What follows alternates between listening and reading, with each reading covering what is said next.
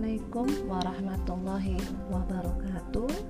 Uh, Alhamdulillahirrabbilalamin Hari ini adalah podcast pertama saya Yaitu podcast Ruang Umum MC ya, Di sini kita akan berbicara tentang banyak hal Yang bisa meningkatkan wawasan, meningkatkan kecerdasan. Tidak sekedar untuk ngobrol-ngobrol yang tidak bermakna dan juga sekedar untuk menghilangkan kegabutan. Semoga sahabat muslimah bisa menyimak dan mengikuti dengan baik dan kemudian kita juga bisa saling memberikan inspirasi. Untuk podcast kali ini saya ingin menyampaikan dan juga ingin e, menginspirasi bagi setiap ibu agar terus membina, membimbing anaknya dengan baik kita akan mengenal satu sosok uh, yang luar biasa yaitu Jurasyiah binti Ato. Jurasyiah binti Ato ini adalah seorang ibu dari dua orang khalifah. Bisa dikatakan Jurasyiah ini adalah pencetak tinta emas kejayaan Islam. Jurasyiah binti Ato yang dijuluki Khaizuran berasal dari Yaman. Pada awalnya, Khaizuran adalah seorang budak milik Al-Mahdi, khalifah ketiga Bani Abbasiyah. Statusnya sebagai budak membawanya ke pusat pemerintahan saat itu. Ia mengenal baik khalifah dan keluarganya serta sistem pemerintahan dan politiknya. Sebagai budak, Khaizuran juga memiliki kesempatan untuk menggali ilmu dari perpustakaan pribadi milik Al-Mahdi. Ia datang ke majelis-majelis ilmu ke Baghdad untuk memantapkan ilmu pengetahuan yang ia miliki. Di sela waktunya, ia juga rajin menghafal Al-Quran. Masya Allah, Khaizuran tumbuh menjadi perempuan yang cerdas.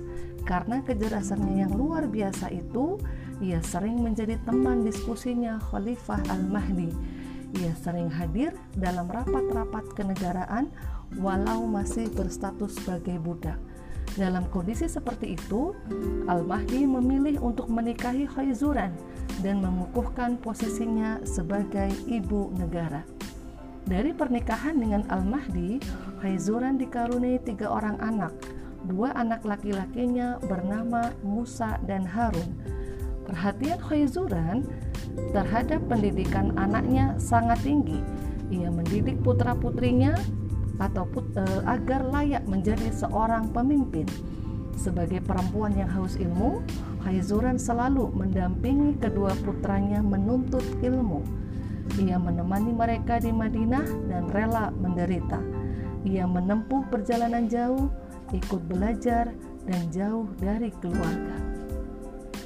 Dengan keuletan, kepandaian, dan kemauan keras, ia berhasil mendidik anak-anaknya menjadi pemimpin. Musa al-Hadi menjabat sebagai khalifah Bani Abbasiyah hingga meninggal. Ia digantikan oleh Harun al-Rashid, adiknya. Harun diangkat menjadi khalifah pada September 786 Masehi. Ketika itu, ia masih berusia 23 tahun. Harun menjadi pemimpin yang taat beragama, soleh, dermawan, dan hampir disamakan dengan Umar bin Abdul Aziz dari Bani Umayyah. Posisinya sebagai khalifah tak menghalanginya turun ke jalan pada malam hari untuk melihat kehidupan rakyatnya. Malam-malam Bani Abbasiyah menjadi aman dan tertib dengan tingkat kejahatan yang minim.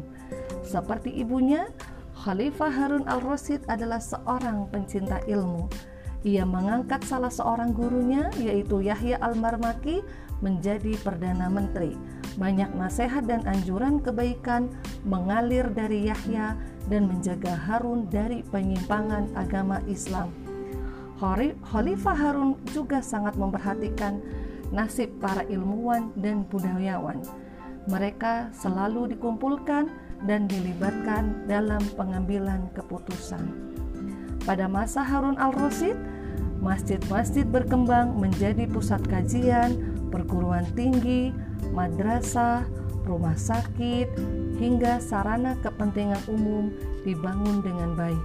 Di masa ini, tingkat kemakmuran hampir merata dan kesenjangan sosial menurun sehingga sulit mencari objek distribusi zakat, infak, dan sedekah. Dengan sistem Islam, Khalifah Harun al-Rasyid membawa Bani Abbasiyah mencapai puncak kejayaan.